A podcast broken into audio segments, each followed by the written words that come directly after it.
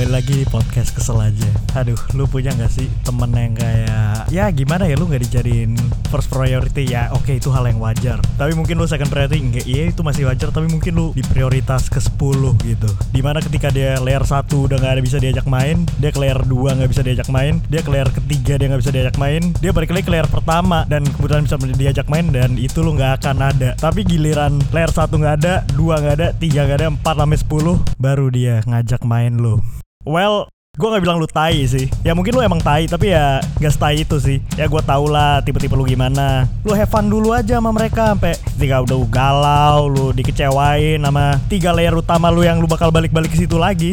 Lu baru nih ke kita nih. Tapi, tapi, tapi, tapi, tapi, lu gak usah minta maaf.